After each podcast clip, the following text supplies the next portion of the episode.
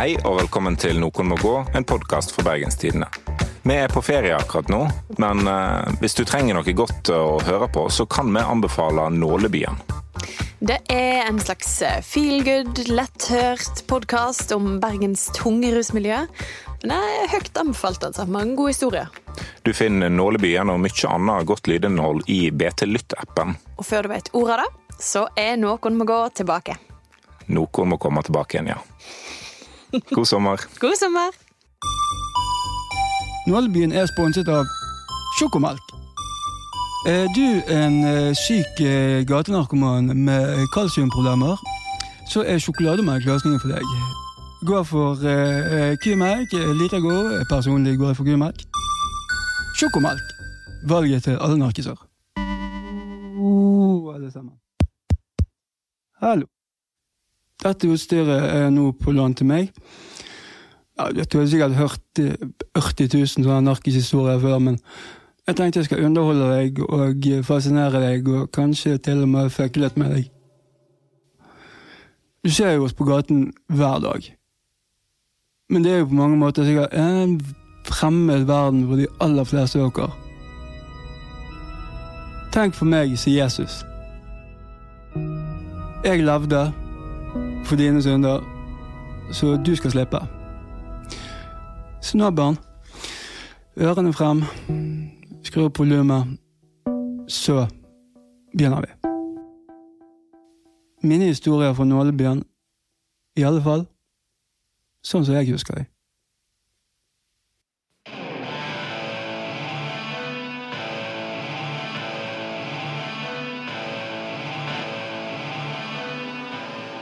Hver gang jeg hører det riffet her, så er jeg rett tilbake i bilen. Rett tilbake i sommeren 2000. Det hele startet med at meg og narkoentourasjen mitt skulle se Pearl Jam på Rockildefestivalen.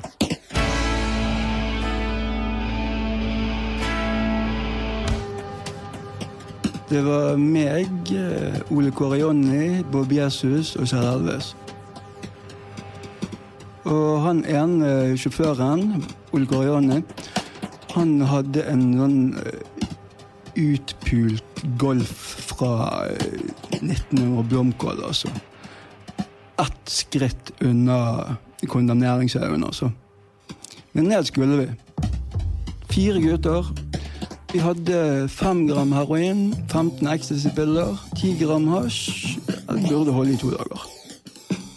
Trodde vi. Bilturen i seg sjøl var jo kjempeartig. Vi var høye som fly. Eller steine som bær. Det var ene ytterligheten til den andre. Vi skulle ta fergen fra Kristiansand. På vei over fjellet så skulle vi kjøpe bensin. Og eh, bensinpenger er jo problem. Det er ikke, det er ikke billig i dette landet. Men alt er gratis når du stjeler. Og Det gode, gamle trikset med å suge ut bensinen det funker som en drøm. skal jeg si deg. Spesielt med den gamle vraket av en Golf.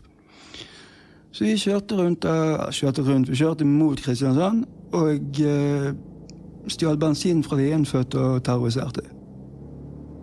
Spesielt eh, Ole Kåre og Kjell Elvis var sånne veldig bolte gutter.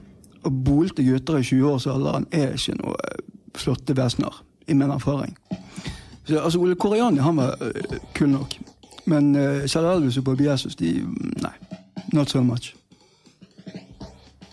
Skulle inn på bensinstasjonen, for eksempel.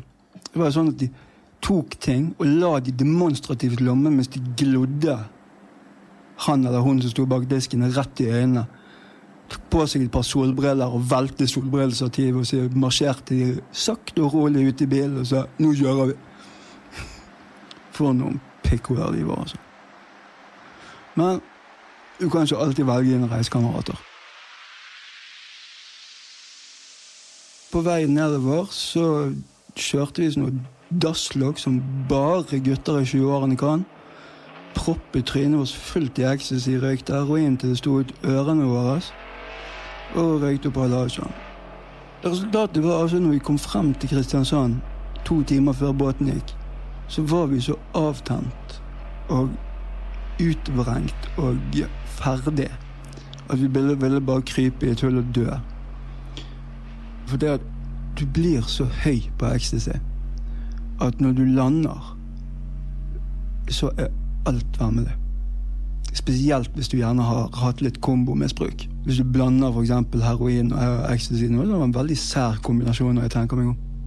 Altså Heroin var jo utgangspunktet for å gjøre denne avtenningen enklere. Det var derfor vi hadde kjøpt det. Ikke for å blande det. Så vi kom frem til Kristiansand klokken fem om morgenen. Og ting hadde begynt å skli den andre veien allerede i tretiden. Plutselig så var ikke vi beskyttet av stoff lenger. Vi kom liksom ikke langt nok vekk fra hverandre i bilen. Alle så liksom trykte opp mot vinduet, og sjåføren må ha gått på autopilot, for uh, han knarket like mye som oss. Hvordan han klarte å holde oss på veien, forstår jeg seg Så selvfølgelig kjøpte vi oss et par helflasker med tyrkisk pepper på vei over. Og når vi kom i land i Danmark, da skulle vi reparere. og dette hadde fungert helt fint. Hadde ikke det vært for at sjåføren, som var like ille oss insisterte på å få i hvert fall et par støyter. Og vi lagde en avtale at hvis han kjørte fortere hver gang han fikk seg en støyt, så logikken var at da kom vi fortere frem, så han ikke ble så full. Etter en halvtime så var vi dritings. Skikkelig ordentlig full. Og vi begynte å hive søppel ut vinduet, og folk tutet på oss, og vi ut med fingeren og kjørte forbi folk i sånne så du ser fulle folk på TV vever mellom filer og sånt. Det det var kaos. Politiet klokket oss til 170 ut ifra avstanden vi hadde kjørt når vi krasjet i forhold til fergen. Og hadde vi truffet noe som sto stille, så hadde vi selvfølgelig dødd. Men vi kjørte i ræven på en bil som gikk i 120. Så det tilsvarte altså ca. 50 km i timen. Jeg våknet opp eh, så vidt utenfor bilen. Ser jeg opp på en blå himmel og tenkte at dette var feil utsikt. Det skal være en vei foran meg nå. Og inn i synsfeltet mitt så stikker en dansk politimann ansiktet sitt og uh, spør meg om det går bra på det uforståelige språket sitt. Jeg prøvde å ville si at det gikk faen ikke bra med meg. Så bøyer pikken seg frem og begynte å kjenne på kjeven min. Da besvimte jeg av smerter. Neste er at jeg våkner opp og ser rundt meg. Det første jeg ser, er en smertepumpe som har en merkelapp hvor det står 'morfin' på. Hvis du ikke vet hva en smertepumpe er, så er det en liten ding som du klikker på, så du administrerer morfinen din sjøl. De visste tydeligvis ikke hvem de hadde med å gjøre.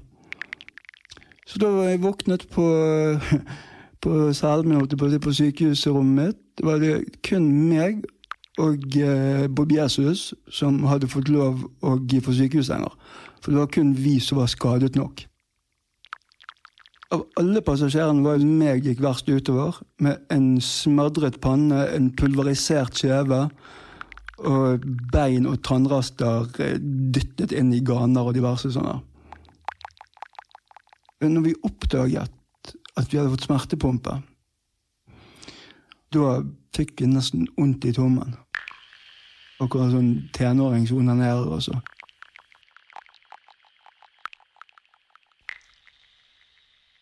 Det var en eller annen type monitor eller et eller annet, sånn som bare hvis hjerterytmen gikk under så og så mye, så kom det på en sånn klemme. Men vi skrudde jo bare av den klemmen.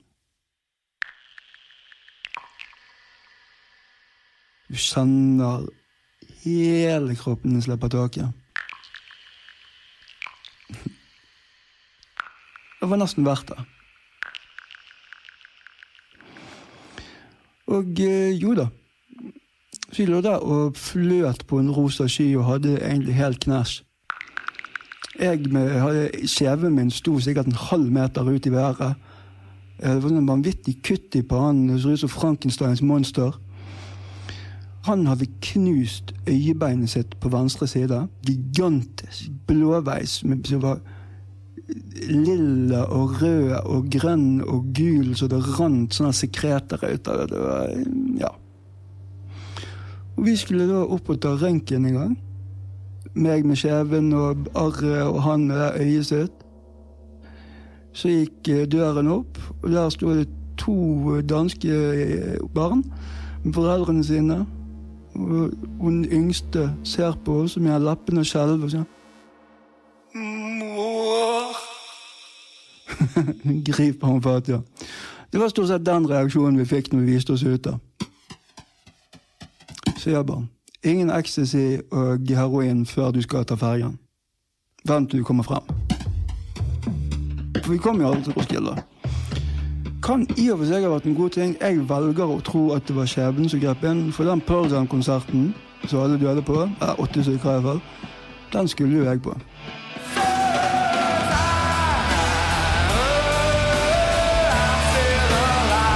Etter ca. tre uker på Århus kommunehospital så tilkalte de en taxi. Ga oss to morfin på billetter. Sa nå får jeg ikke mer morfin! Og sendte oss av gårde. Det eneste som var ledig, det var suiten. Vi fikk liksom den kuleste suiten på hele danske Bergen.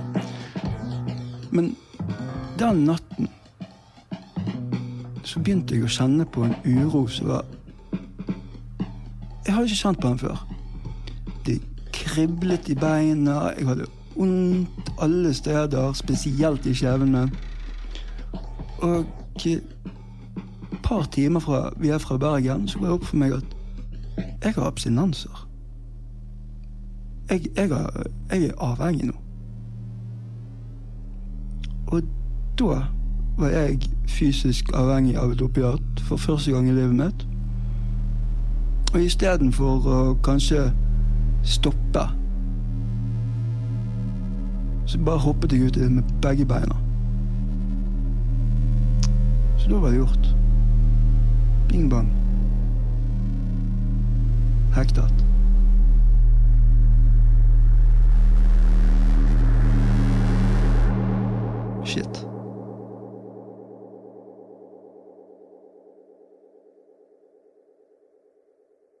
Hei, dette er Cato. Nå har du sikkert lyst til å høre neste episode. Og neste episode. Og episoden etter det igjen. Og det kan du hvis du laster ned BT Lytt. BT Lytt. Appen for vinnere.